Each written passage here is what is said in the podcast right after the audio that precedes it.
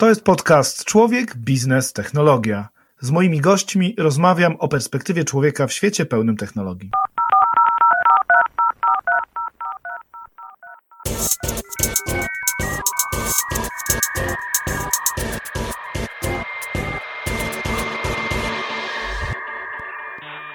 Cześć, dzień dobry. Witam Cię w kolejnym odcinku podcastu Człowiek, Biznes, Technologia. Dzisiaj będziemy rozmawiali o temacie bliskim nam wszystkim, słuchaczom, mnie, praktycznie każdemu, bliskim pozytywny sposób, negatywny. Mówi się, że w życiu pewne są tylko dwie rzeczy: śmierć i podatki. O śmierci w tym podcaście nie rozmawiamy, ale o podatkach i owszem, i dzisiaj właśnie podatki są naszym, naszym tematem ale w takim powiedziałbym nieoczywisty sposób będziemy mówili o technologii w podatkach. Będziemy mówili o technologii w podatkach, w jaki sposób ta technologia zmienia życie nas jako podatników, ale także zmienia życie osób zajmujących się zawodowo podatkami, rozliczaniem podatków, liczeniem, doradzaniem. Dlatego zdecydowałem się na zaproszenie do dzisiejszego odcinka Igora Romana, dyrektora w zespole Tax Technology Deloitte. I z Igorem postaramy się właśnie porozmawiać i odczarować temat podatków, od razu ostrzegam, że Igor powiedział, że nie jest technologiem, jest tylko podatkowcem i tylko troszeczkę technologiem. Ja z kolei jestem troszeczkę technologiem i w ogóle nie jestem podatkowcem. W związku z tym myślę, że to jest najlepszy miks do odbycia tej ciekawej rozmowy na temat technologii w podatkach, do której wysłuchania cię serdecznie zapraszam. Cześć Igor, dzień dobry. Cześć Wieszku, dziękuję bardzo za zaproszenie. E, witam wszystkich słuchaczy. Igor, tak jak wspomniałem w tym krótkim wstępie, jeżeli jest jakaś taka najstarsza branża biznesowa tego, tego naszego świata, tej naszej cywilizacji, to prawdopodobnie podatki są jedną z nich. Tak? Płacenie podatków, czy tego chcemy, czy nie, jest jedną z najstarszych czynności, którą, którą musimy robić, którą chcemy robić, która też pozwala naszym państwom egzystować w takim rozumieniu, jaki tutaj znamy. Mm, I tak jak też inne stare branże tego świata, jak finanse, jak ubezpieczenia, jak medycyna, każda z tych branż przeżywa w tej chwili ogromną zmianę taką technology disruption, jak to się mówi, prawda? Więc powstają nowe gałęzie naszego biznesu, takie jak fintech, jak medtech, jak insurtech. Ostatnio nawet brałem udział w panelu, gdzie mówiliśmy o coffee techu, czyli o tym, jak technologia zmienia kawę. E, to porozmawiamy dzisiaj, jak technologia zmienia podatki. Skąd w ogóle temat technologii w podatkach? No, technologia w podatkach od jakiegoś czasu staje się bardzo, bardzo istotnym tematem. W zasadzie można powiedzieć, że w Polsce i w tych krajach naszego regionu od jakiegoś czasu takie podstawowe obowiązki sprawozdawcze bez zastosowania technologii po prostu nie są realizowalne. I teraz, e, czy można mówić o czymś takim jak TaxTech? Owszem, tak, ale dopiero teraz. E, być może od kilku lat tak naprawdę. E, natomiast ten mariaż podatków i technologii próbował być uskuteczniany już tak naprawdę od dłuższego czasu. Myślę, że co najmniej 15-20 lat. Ale jak to w związkach bywa, jest to, było to trudne. E, I tak naprawdę, jak sobie spojrzymy, więc wyobrazimy sobie obraz takiego podatkowca czy działu podatkowego i spróbujemy to zestawić z działem IT, czy generalnie z technologiami, no to widzimy, że generalnie to są takie dwie, dwa obszary, dwa zespoły, które mówią różnymi językami troszeczkę, tak? Mają różne, z różnych narzędzi korzystają, e, różne mają źródła wiedzy. Ciężko jest generalnie o porozumienie e, pomiędzy tymi takimi dwoma może nie skrajnymi, ale jednak bardzo zróżnicowanymi działami, czy też kategoriami osób specjalizacji. Mhm. Czyli znów świat silosów. Tak już tych silosów trochę w tym podcaście poruszaliśmy. Dzisiaj rozmawiamy o kolejnym takim podziale. Ale może zacznijmy trochę od takiej perspektywy człowieka w tym wszystkim, tak? Jak zmieniło się przez, przez te lata, przez te ostatnie powiedzmy, nie wiem, 20-30 lat, no bo tyle, powiedzmy, technologia tak bardzo mocno nam towarzyszy życie i podatnika z jednej strony, i osoby indywidualnej, przedsiębiorcy, ale także osoby rozliczającej podatki. Generalnie technologia do podatków weszła bardzo późno.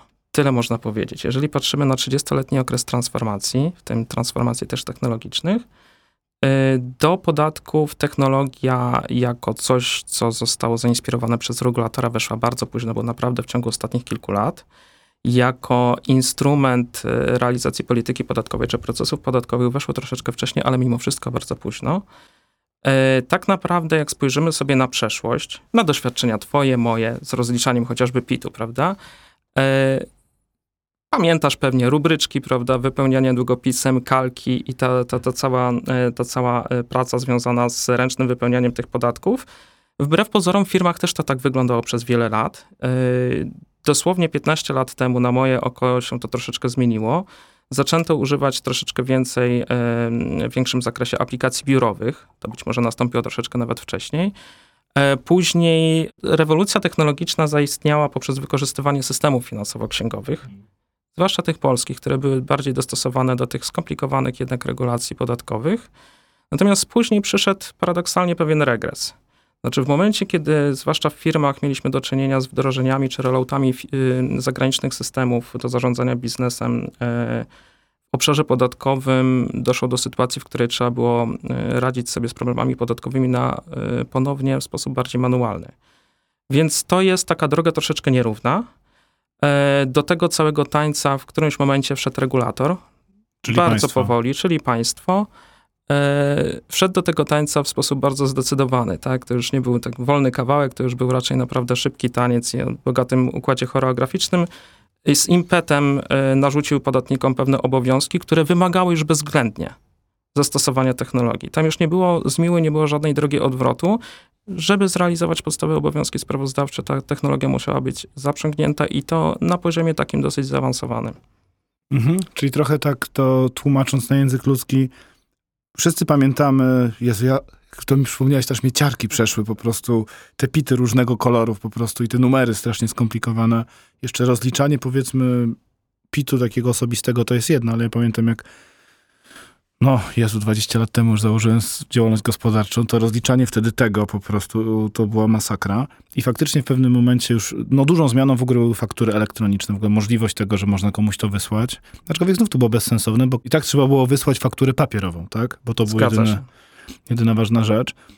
I rozumiem to, co mówi, że tak naprawdę do pewnego momentu no to biznes gdzieś tam regulował, na ile ta technologia jest mu potrzebna, na ile nie. W związku z tym, no wiadomo, że użycie technologii pewnie optymalizowało procesy. Można było trochę rzeczy robić szybciej, można było nie popełniać błędów, można było robić lepszą rachunkowość. Natomiast prawdziwą zmianą było wymóg tak naprawdę państwowy tego, że trzeba to robić, tak? I że firmy muszą mieć systemy i sprawozdawczość, jeżeli chcą się rozliczać i wtedy jakby mówi, że wszystko przyspieszyło. Tak, no zmiana motywacji miała kluczowe znaczenie. Wcześniej tu bardziej chodziło o zastosowanie technologii, odpowiedź sobie na pytanie what's in it for me, tak? Czyli mhm. biznes decydował o tym, w jakim zakresie ta technologia wejdzie e, do procesu podatkowego danej firmy, a to była działalność siłą rzeczy rozproszona e, i poszukiwano przede wszystkim oszczędności czasu, oszczędności też pieniędzy, optymalizacji procesów i e, standaryzacji generalnie obiegu informacji podatkowej. To był główny cel. W momencie, kiedy przeszliśmy tutaj do zwiększonej roli regulatora, no to podejście się zmieniło na e, podejście na zasadzie compliance full, tak? Czyli sytuacja, w której to państwo narzuca nam pewne obowiązki sprawozdawcze.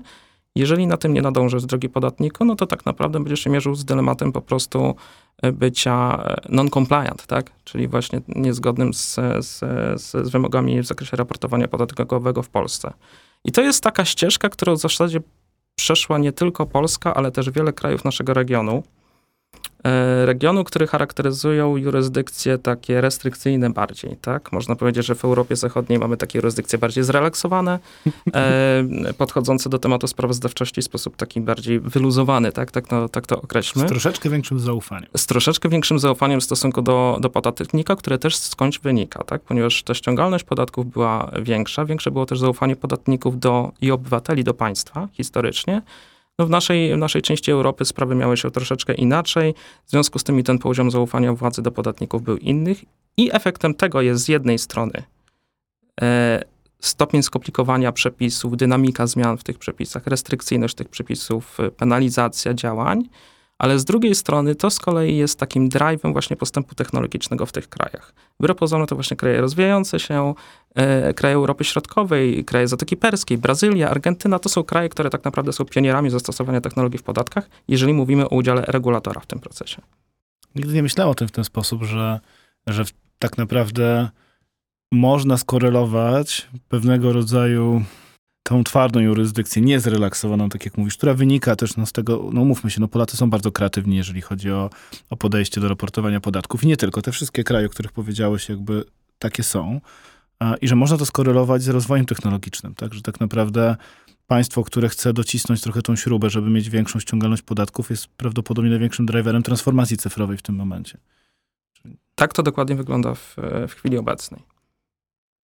Zatkało mnie na chwilę, to jest, bo, to jest, bo to jest bardzo ciekawe po prostu. Okej, okay, albo powiedziałeś o tym, że, że te państwa rozwijające się właśnie są takimi innowatorami, tak? Czy są liderami tej zmiany cyfrowej. A mógłbyś podać jakieś takie przykłady właśnie, e, które trafiają do ludzkiej wyobraźni właśnie tego, co się w takiej Brazylii dzieje, właśnie Zatoce Persyjskiej, czy nawet w Polsce, które dla krajów zachodnich mogą być takim trochę wzorcem? Tak, oczywiście myślę, że e, spróbujmy podać przykład jednak bliższy naszemu sercu, czyli przykład Polski, ale do Brazylii też nawiążę. E, w Polsce przez wiele lat tak, e, udział regulatora był praktycznie zerowy, jeżeli chodzi o postęp technologiczny w podatkach. Przez lata, tak jak sam wspominałeś, e, dominowały tutaj deklaracje podatkowe bardzo manualne, łącznie z użyciem kalki, która dla mnie na przykład była dosyć traumatycznym przeżyciem. Używanie tego typu narzędzi do, do sprawozdawczości podatkowej. Z czasem kolejne etapy tej cyfryzacji następowały. Pierwszym takim etapem było przejście na deklaracje elektroniczne. Najpierw to była kwestia wprowadzenia tych deklaracji e, elektronicznych z odpowiednim systemem motywacyjnym. Czyli jeszcze nie obowiązkowe, ale już e, polityka władz skarbowych zmierzała do tego, aby były e, deklaracje elektroniczne powszechnie stosowane.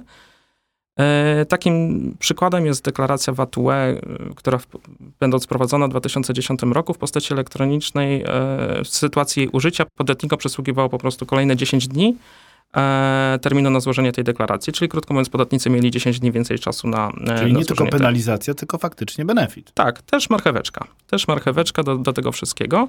Z czasem e, deklaracje papierowe odeszły do Romusa. Ja skracam teraz troszeczkę tą historię. E, w tej chwili mamy w zasadzie obowiązek składania deklaracji elektronicznych. Abstrahuję od tego, w jaki sposób one są wypełniane, ale są ostatecznie wysyłane w drodze elektronicznej. Dotyczy to też epitów. E, jak wiesz, i teraz na przykład mm, twoja percepcja pewnie przy składaniu PIT-u, e, czy moja jest zupełnie inna niż jeszcze jakiś czas temu, tak? Kiedy korzystamy sobie z systemu rządowego twój, e, twój EPIT, który jest w tej chwili bardzo przyjazny. I to jest, jest na tyle etap... przyjazny, że w zeszłym roku, jak się zorientowałem, że jest ostatni dzień, to pomyślałem sobie, to jest niemożliwe, żebym się wyrobił i zajęło mi to pół godziny. Ba, mało tego, gdybyś tego nie zrobił i tak ta deklaracja zostałaby złożona za ciebie. Więc, więc ten system jest w tej chwili już taki dosyć, e, dosyć szczelny. I teraz większość krajów Europy Zachodniej zatrzymała się właśnie na tym etapie. Czyli składamy deklarację drogą elektroniczną, a sposób dochodzenia do tych informacji to jest jakby kwestia indywidualna podatnika. Hmm. Polska, inne kraje, o których zaraz wspomnę, poszły o krok dalej. Hmm, to znaczy, w którymś momencie y, tych informacji było dla urzędów skarbowych za mało. I e, przeszliśmy do koncepcji, w której e, w ślad troszeczkę za wytycznymi OECD e, na podatników został nałożony obowiązek pokazywania e, informacji o poszczególnych transakcjach. E, w wytycznych OECD, e, czyli Organizacji do Spraw Współpracy i Rozwoju Ekonomicznego, wskazana jest tylko taka potrzeba mm, wymuszania, czy też e, narzucania podatnikom obowiązku składania e, szczegółowej informacji transakcyjnej w ustalonym formacie, ale tylko na potrzeby kontroli skarbowej. Czyli nie można powiedzieć na żądanie. I faktycznie w, na początku w takich krajach jak Francja, Niemcy i Portugalia, czyli częściowo również w krajach Europy Zachodniej, ale takich, które, które miały większe problem ze ściągalnością podatków, wprowadzono taki system. Polska poszła troszeczkę o krok dalej. Mianowicie w momencie, kiedy wprowadzono system tzw. Tak plików JPK, to jest właśnie, e, w tej chwili mówimy o tym e, raportowaniu szczegółowej informacji. JPK, czyli jednolity plik kontrolny. Dokładnie. To jest jednolity plik e, kontrolny, czyli w zasadzie w polskim wydaniu pakiet pięciu plików, które składały się na obraz transakcyjny całego przedsiębiorstwa pod kątem przepływów magazynowych, VAT-u, ksiąg rachunkowych i, i tego typu obszarów. E, przy czym Polska postanowiła tutaj troszeczkę pójść o krok dalej i e, zastosowała wytyczne OECD w taki sposób, żeby zastosować e, obowiązek comiesięcznego składania części z tych ksiąg. Czyli w tym momencie podatnicy byli zobowiązani do przedkładania w formie plików XML danych o ewidencji VAT-owskiej, czyli o poszczególnych fakturach, transakcjach zakupowych i sprzedażowych, nie na żądanie, czy na wezwanie organów kontrolnych, tylko bez wezwania i co miesiąc. I to był moment przełomowy dla Polski i nie tylko zresztą dla Polski, bo to był moment, w którym tak naprawdę bez technologii nie dało się tego zrobić. To już nie jest kwestia tego, że sobie wypełnimy Excela i jakoś sobie to przepuścimy i wyślemy e, dane sumaryczne do urzędu, tylko tak naprawdę, żeby ten plik stworzyć, technologia i to wcale nie prosto musiała zostać zastosowana. E, część krajów, e, takich jak Hiszpania, Węgry, zaraz wspomnę też o Brazylii, poszła jeszcze o krok dalej. E, raportowanie, o którym w tej chwili mówię, czyli raportowanie JPK, e, jednolitego pliku kontrolnego, angielska nazwa to jest SAFTI, tak, czyli Standard Audit for Taxes, E, ona zakłada, że raportujemy informacje tra- o transakcjach ex post. Czyli najpierw je dokonujemy, zamykamy mhm. miesiąc i po jakimś czasie po prostu raportujemy. Na żądanie albo w trybie comiesięcznym czy corocznym. Niektóre kraje poszły o krok dalej i narzuciły podatnikom system raportowania dynamicznego. Co to oznacza? Że w momencie, kiedy dokonujemy transakcji, już przekazujemy informacje o tych transakcjach do Urzędu Skarbowego, do władz skarbowych, więc tak naprawdę stopień jakby przejrzystości, transparentności podatnika wobec władz skarbowych jest niesamowicie duży. To oczywiście ogranicza bardzo pole do wszelkiego typu oszustw, pójścia okrętną drogą, prawda, dogadywania się pomiędzy sprzedawcą i nabywcą itd., tak itd., tak E, w niektórych systemach, e, to jest tak zwany real-time reporting, poprzestano na tym, że w systemach finansowo-księgowych podatnicy wystawiają sobie faktury i tylko przekazują informacje o nich bardzo często do Urzędu Skarbowego. Natomiast e, w Brazylii między innymi, na Węgrzech ostatnio i w Polsce od przyszłego roku zostanie wprowadzony system, który idzie jeszcze dalej i mówi mniej więcej tyle. Ty podatniku wykorzystujesz swoje informacje z systemu finansowego po to, żeby przedstawić informację o fakturze, ale ta faktura de facto, można powiedzieć, jest wystawiona za pośrednictwem Ministerstwa Finansów. Czyli Ministerstwo Finansów, czy tam administracja skarbowa pośredniczy w procesie wystawiania i akceptacji faktury.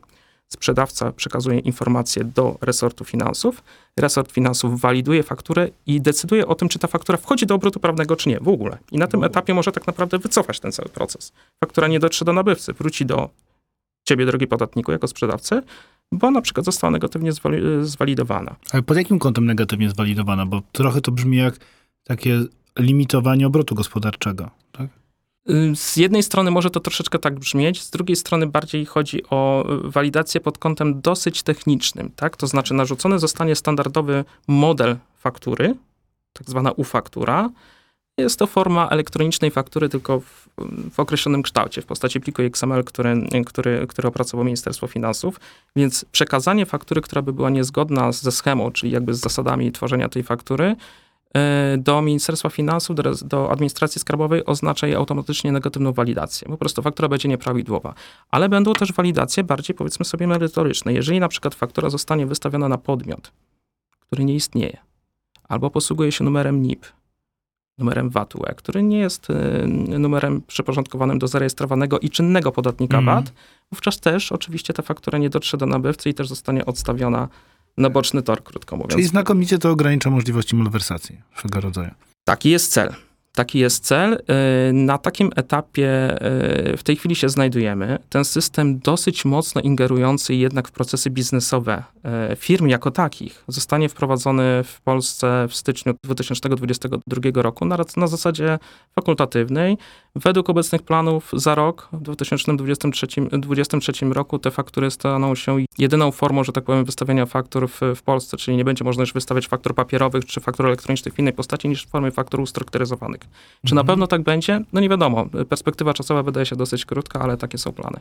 Powiedz mi, Igor, no bo jakby oczywiście można się skupiać na takich, powiedziałbym, negatywnych elementach takiego systemu, no bo to jest to system kontroli, tak? No jakby pewnie większość osób z założenia lubi być kontrolowana, natomiast wyobrażam sobie, że też jest cała garść pozytywów wynikających z, z takich regulacji. No na przykład nigdy więcej kontrahent nie powie mi, słuchaj, no jeszcze ci nie zapłaciłem, bo okazało się, że faktura jest źle wystawiona, na przykład. Tak, oczywiście jest, jest masa pozytywów tak naprawdę, tylko te pozytywy dopiero jak już e, dany system zostanie wdrożony, tak? Czyli z czasem. Jest pewien taki poślizg czasowy, jeżeli chodzi o dostrzeganie pozytywów rozwiązań stosowanych przez resort finansów.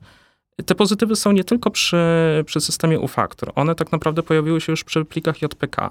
Wprowadzenie plików JPK w Polsce było ogromnym obciążeniem takim administracyjnym, ale też e, wyzwaniem technologicznym dla wszystkich Ale też kosztowym, no bo firmy poniosły Oczywiście. ogromne koszty wdrożenia. Im większe przedsiębiorstwo, tym no, te integracje systemów, wyobrażam sobie, że kosztowały często setki tysięcy złotych. Oczywiście.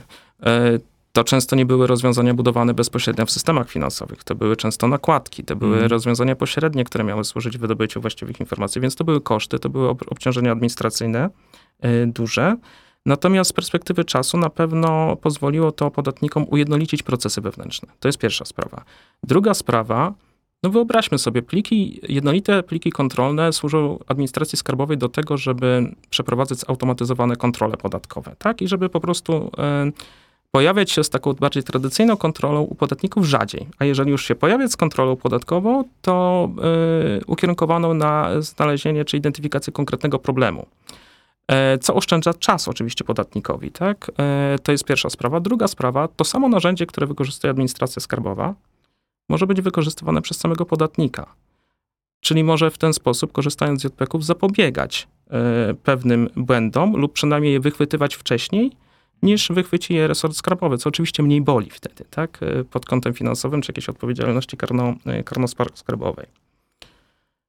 I pytanie, czy tutaj już jest koniec, prawda, tej rewolucji technologicznej w podatkach. Dlatego na koniec sobie zostawiłem przykład Brazylii. Brazylia jeszcze idzie o krok dalej. Może dla nas stanowić taki punkt orientacyjny, co może nas czekać w przyszłości w Polsce i krajach Europy Środkowo-Wschodniej. W Brazylii oprócz tego, że mamy taki właśnie real-time reporting i że, oprócz tego, że mamy faktury wystawiane yy, za pośrednictwem, można powiedzieć, platformy rządowej, to oprócz tego y, resort finansów, administracja skarbowa tak naprawdę y, narzuca podatnikom również system finansowo-księgowy. To nie jest tak, że podatnicy w Brazylii mają swoje systemy finansowo-księgowe i z nich raportują dane do resortu finansów. Aby ten proces jeszcze bardziej zoptymalizować, ujednolicić, centralizować, y, tamtejsza władza skarbowa sama stworzyła, zarządza takim ujednoliconym systemem finansowo-księgowym, do którego to informacje przekazują e, ze swoich systemów RP poszczególne, e, poszczególne firmy działające w Brazylii. To jest już daleko posunięta naprawdę, e, jakby można powiedzieć, integracja pomiędzy administracją skarbową a biznesem. Tak? No i to też trochę pokazuje, że brazylijskie Ministerstwo Finansów trochę zachowuje się jak firma technologiczna, no bo ona już tworzy naprawdę daleko zaawansowane, zintegrowane rozwiązania informatyczne. To jest dosyć ciekawe. No jest to odwaga godna pozazdroszczenia i też duże wyzwanie do tego kraju. Walczą we mnie dwie siły z jednej strony, tak? Z jednej strony myślę sobie, że, że dla skutecznego działania państwa, no i koniec końców, no podatki są tym, jeżeli nie zmienimy systemu ekonomicznego, no to dzięki podatkom to państwo działa. Koniec końców. Trzeba je płacić, nie można ich nie płacić.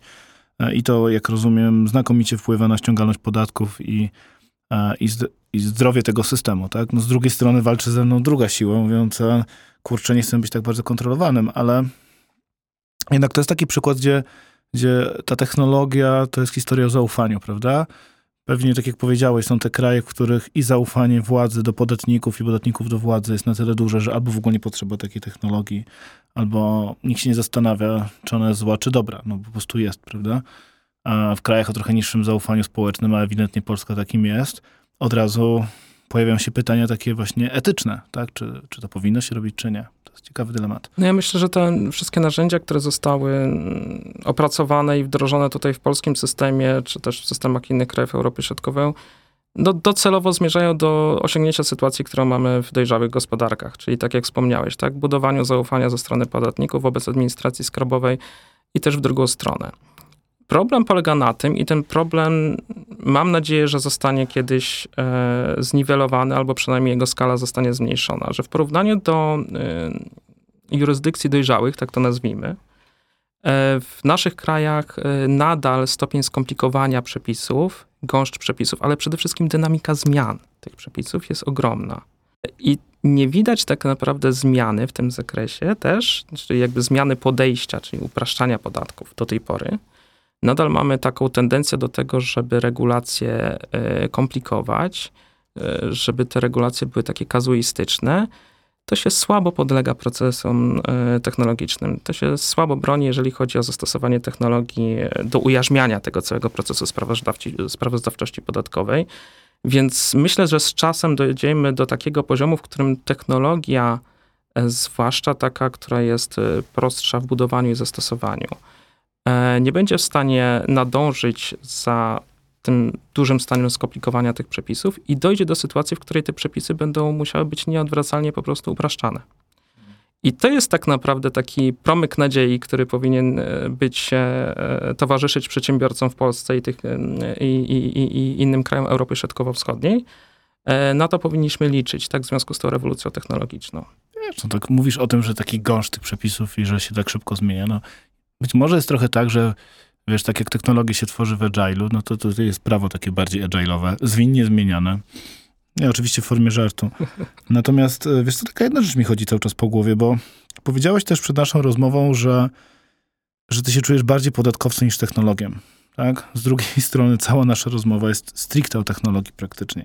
Z podatkami, z podatkami w tle gdzieś, tak? I zastanawiam się, czy to w jaki sposób obecnie kształcimy podatkowców, przyszłych podatkowców, tak? To w jaki sposób, e, wiesz, jest stworzony program edukacyjny na uczelniach. Uczelniach zakładam jednak ekonomicznych i finansowych, tak? Kształcących przyszłych ekspertów do spraw podatków, w ogóle uwzględnia technologię. Czy uczy się tam technologii?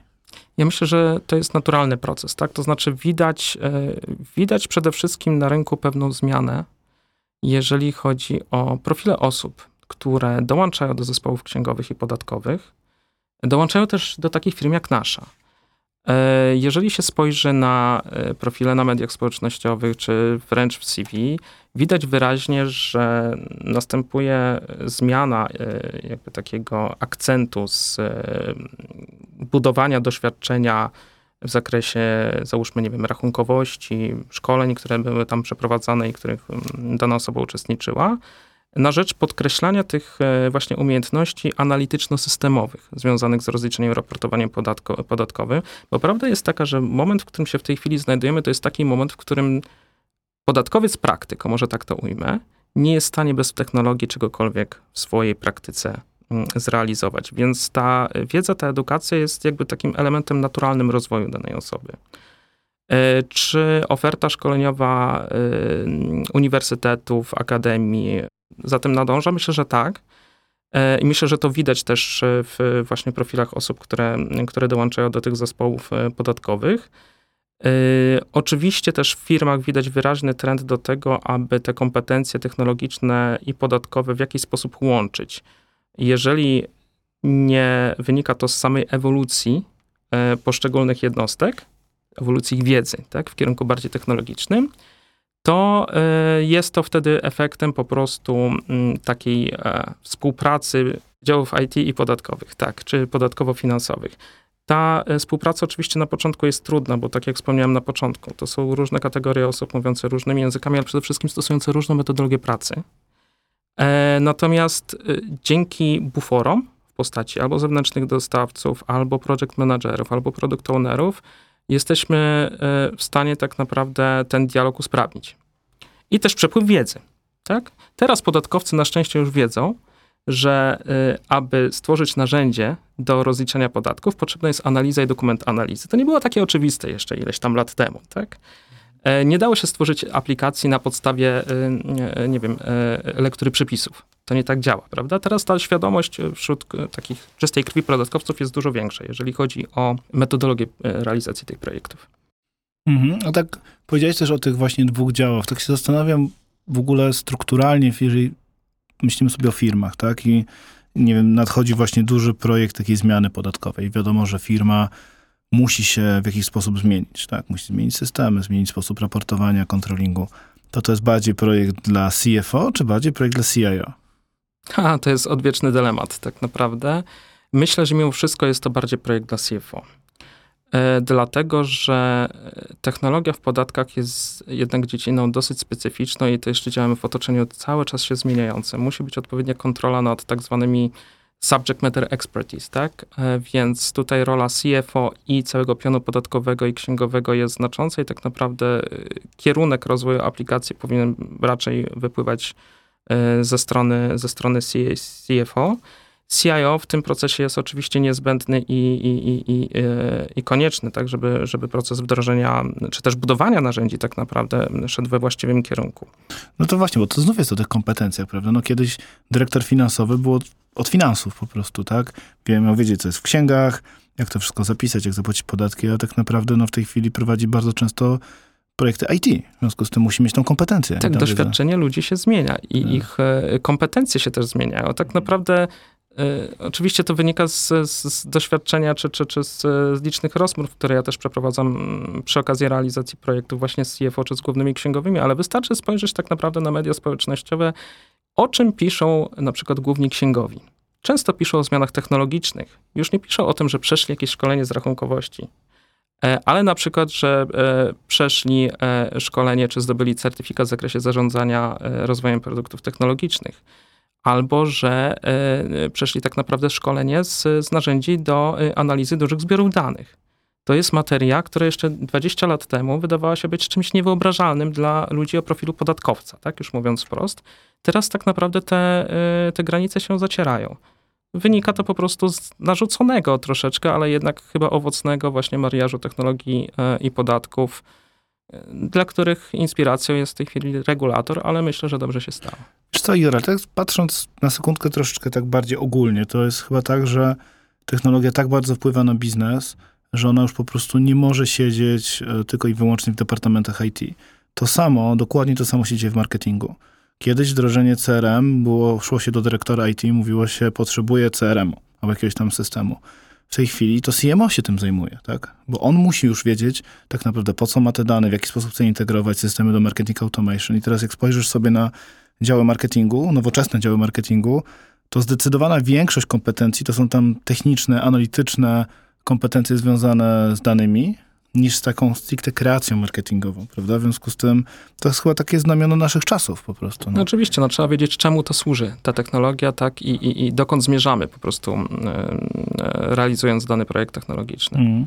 Słuchaj, wspomniałeś o danych i o tych wielkich zbiorach danych, no i nie mogę nie zapytać, tak, no bo troszeczkę mówiliśmy o tym, co narzuca państwo i mm, no, jakie są te systemy do raportowania i tak dalej, ale im więcej tych systemów jest, tym więcej danych jest zbieranych. Tak? No i teraz, jeżeli mówimy o danych, to narzuca się pytanie, w jaki sposób wykorzystywane są już albo będą systemy wykorzystujące sztuczną inteligencję, uczenie maszynowe i tak dalej. To już jest obecne w świecie podatkowym?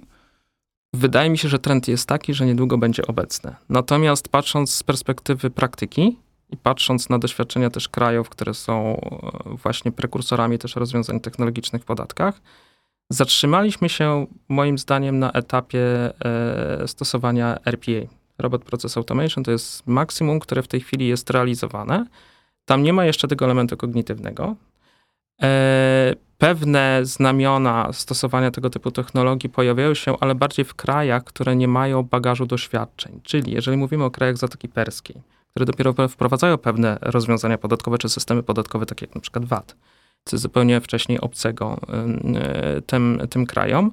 Wówczas bez tego bagażu doświadczeń, ale też bez obciążeń związanych z przeregulowaniem y, przepisów, y, zaczynają się otwierać tutaj pewne możliwości i jeżeli chodzi o zastosowanie właśnie sztucznej inteligencji, ale też zastosowanie blockchainu, tego typu technologii i podejścia do, do procesów technologicznych. Natomiast tutaj mamy tendencję do tego, żeby przeregulowane przepisy próbować usystematyzować, a do tego procesu najlepiej na chwilę obecną e, nadają się e, tule, narzędzia podatkowe, narzędzia do analizy danych, narzędzia do testowania danych oraz e, narzędzia, które pozwalają po prostu zautomatyzować proste, powtarzalne procesy. A powiedz mi, bo jakby twoja wizytówka to jest tax technology, tak jakby na co dzień jakby rozumiem, że nie zajmujesz się takim standardowym doradcą podatkowym, tylko tak czytając, wiesz, literalnie twoją wizytówkę, zakładam, że rozwijasz software podatkowy. Powiedz mi, jakie właśnie na co dzień macie wyzwania, produkty i w jaki sposób wy transformujecie ten biznes doradczy Deloitte? Znaczy, wyrosłem, że tak powiem, z tradycyjnego doradztwa podatkowego, ale gdzieś tam od początku tej mojej 15-letniej przygody z konsultingiem próbowałem właśnie zaprząc technologię do, do wspierania procesów podatkowych, ale tak naprawdę głównym celem, który przyświecał mi, kolegom, z którym zaczęliśmy tą całą zabawę, to jest poprawienie komfortu ludzi, którzy zajmowali się, komfortu pracy ludzi, którzy na co dzień zajmowali się rozliczeniami, raportowaniem podatkowym w czasach, kiedy jeszcze tak naprawdę tej technologii w podatkach za bardzo, za bardzo nie było z jednej strony, a z drugiej strony były to też czasy, w którym wdrożenia systemów RPE z zagranicy powodowały no, pewne komplikacje przy wdrażaniu rozwiązań z kolei w zakresie compliance'u czy raportowania y, podatkowego. I tak naprawdę w tym momencie, dzięki tym okolicznościom, pojawiła się taka, mm, taka sposobność do y, zdobycia dużej ilości wiedzy dotyczącej takich bardzo praktycznych, podatkowych aspektów funkcjonowania systemów RP. To jest wiedza moim zdaniem bezcenna. To był ważny, że tak powiem, moment w, w, w, moim osobistym rozwoju, który pozwolił nam tak naprawdę później przygotować się na dobudowanie narzędzi zewnętrznych. I tym y, tak naprawdę, czyli wypełnieniem tej luki pomiędzy systemami ERP a wymaganiami lokalnymi y, polskich, y, jeżeli chodzi o polskie podatki, zaczęliśmy się swego czasu zajmować, czyli budowaniem narzędzi, które, które de facto przenoszą ciężar raportowania podatkowego z systemów finansowo-księgowych systemów klasy RP głównie, właśnie do tych zewnętrznych narzędzi sposób kompleksowy. E, I oczywiście te narzędzia powstawały przez wiele lat. Tak naprawdę pierwsze narzędzia powstały 11 lat temu. One miały ograniczony zakres funkcjonalny, one służyły realizacji jednego konkretnego celu. Z czasem zaczęły powstawać narzędzia typu TaxScript do rozliczeń VAT-owskich, które już w sposób taki bardziej kompleksowy i rzecz mówiąc kolokwialnie, do betonu, tak? Zajmowały się procesami e, nie tylko raportowania, ale też rozliczania, e, procesami rozliczania podatków. E, I oczywiście wraz z rozwojem tej aplikacji mierzyliśmy się z dużą ilością wdrożeń. Pierwsze wdrożenia, co istotne, były realizowane we współpracy z klientami. To znaczy, to nie był model, w którym Prawda, tutaj w, w, w, w Deloitte, w dziale doradztwa podatkowego zresztą myśleliśmy nad tym, jaką aplikację stworzyć, żeby była optymalna do procesu rozliczenia podatkowego. Tworzyliśmy dokument analizy, a później go realizowaliśmy, tylko wsłuchiwaliśmy się w głos e, pierwszych klientów, bo to tak naprawdę trudno o lepsze źródło wiedzy na temat bardzo takich praktycznych aspektów rozliczenia podatkowego i mając tą listę bolączek tych wszystkich e, problemów, z którymi na co dzień e, borykali e, się klienci i, i właśnie działy podatkowe u klientów, byliśmy w stanie po prostu stworzyć narzędzie, które, które przynajmniej większość z tych bolączek e, potrafi zaadresować. Dzięki, jego, dzięki temu jego wartość później przy wdrożeniach była większa i znacząco usprawniała rozliczenia podatkowe. Oczywiście w momencie, kiedy pojawiły się pliki JPK, kolejna rewolucja technologiczna, narzędzia zaczęły być rozwijane również o obsługę tej, e, tej funkcjonalności, wsparcia w, e, w raportowaniu jednolitych plików kontrolnych. W tej chwili tak naprawdę już współpracujemy nie tylko z klientami polskimi, ale też e, w regionie. Tak, Bo, tak jak wspomniałem, ten region mniej więcej rządzi się podobnymi zasadami, jeżeli chodzi o rewolucję technologiczną w podatkach. Myślę, że to jest w ogóle bardzo ciekawy kierunek, bo to, co powiedziałeś wcześniej, że my jako ten kraj rozwijający się, ale też kraj o obustronnym, niskim zaufaniu, powiedzmy, nazwijmy to w ten sposób.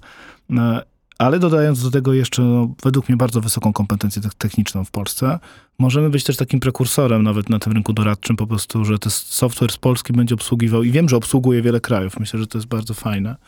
Ja się cały czas zastanawiam nad jedną rzeczą, jak ciebie słucham.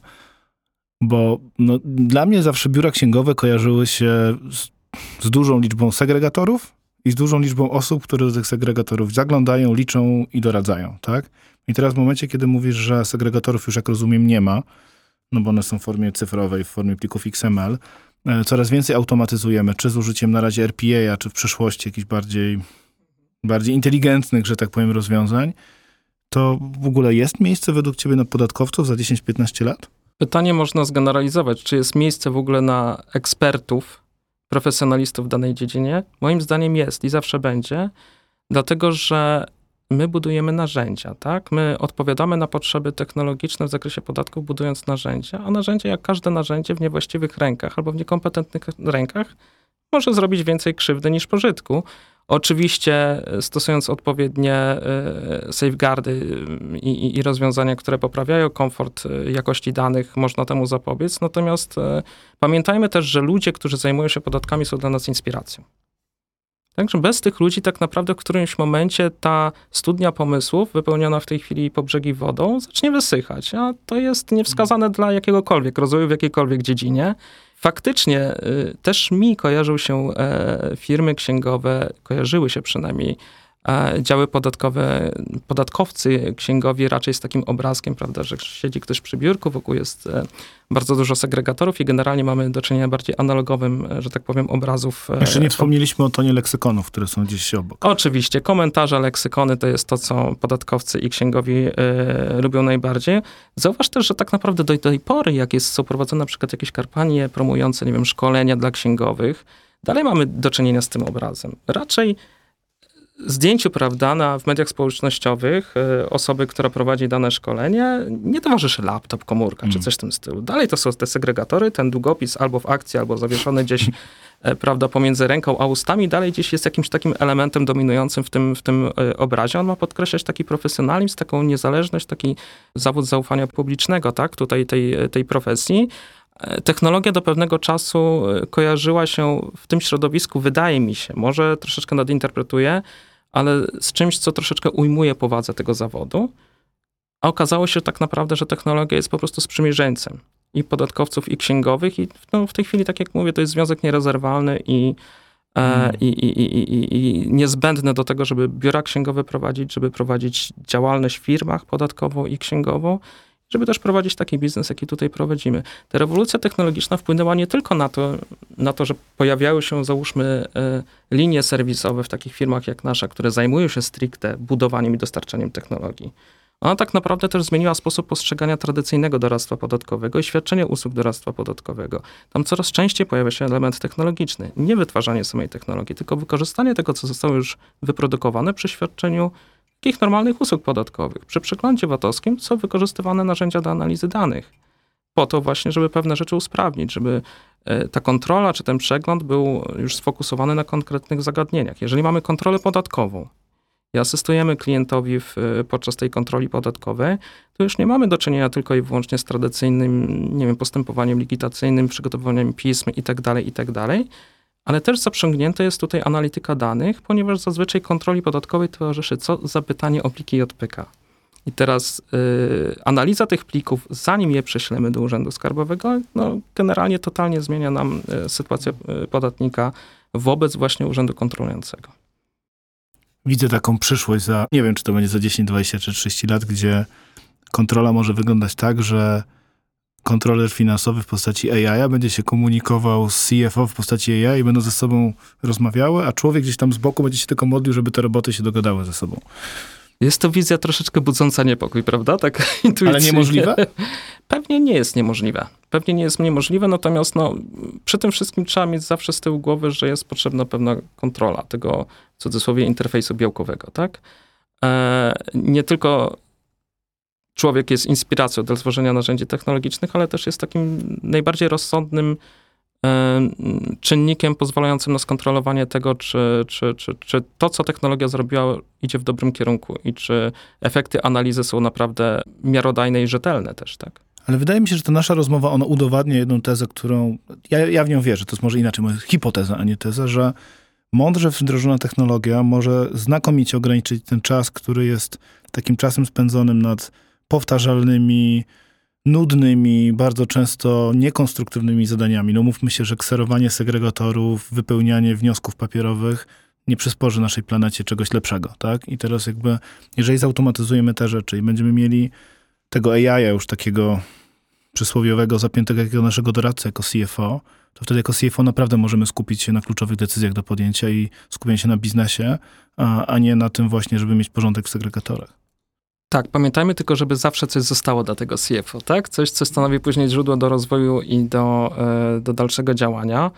E, zgadzam się z tobą w 100%, to znaczy też ja czerpię wielką satysfakcję z projektów, które realizuję, nie dlatego, że tam jest zaprzęgnięta technologia sama w sobie, tylko dlatego, że komfort pracy osób, które były dotychczas za, zaangażowane w, w procesy rozliczenia podatków się znacząco poprawił.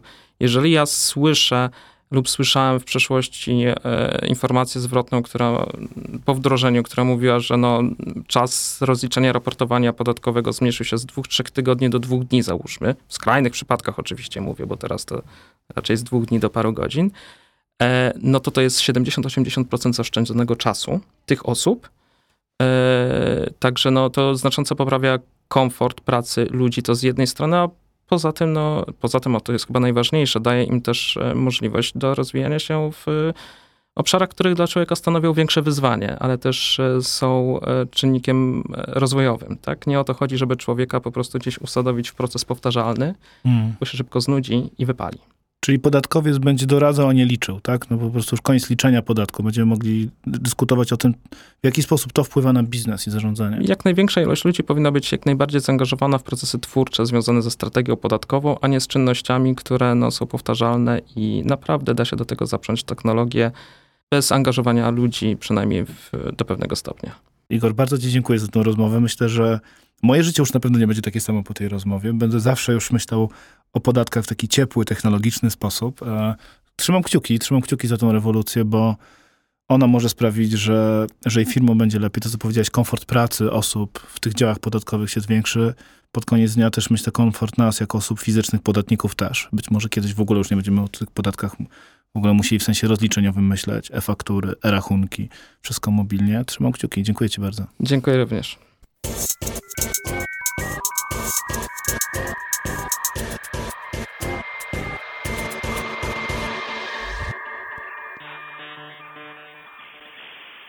Dziękuję za poświęcony czas. Ten oraz inne odcinki podcastu Człowiek Biznes Technologia znajdziesz na stronie Deloitte.com oraz na najpopularniejszych platformach podcastowych takich jak Spotify, Apple Podcast, Tidal czy Google Podcast. Jeżeli chcesz otrzymywać powiadomienia o nowych odcinkach, zasubskrybuj na www.deloitte.com łamane przez pl łamane przez subskrypcję. Do usłyszenia.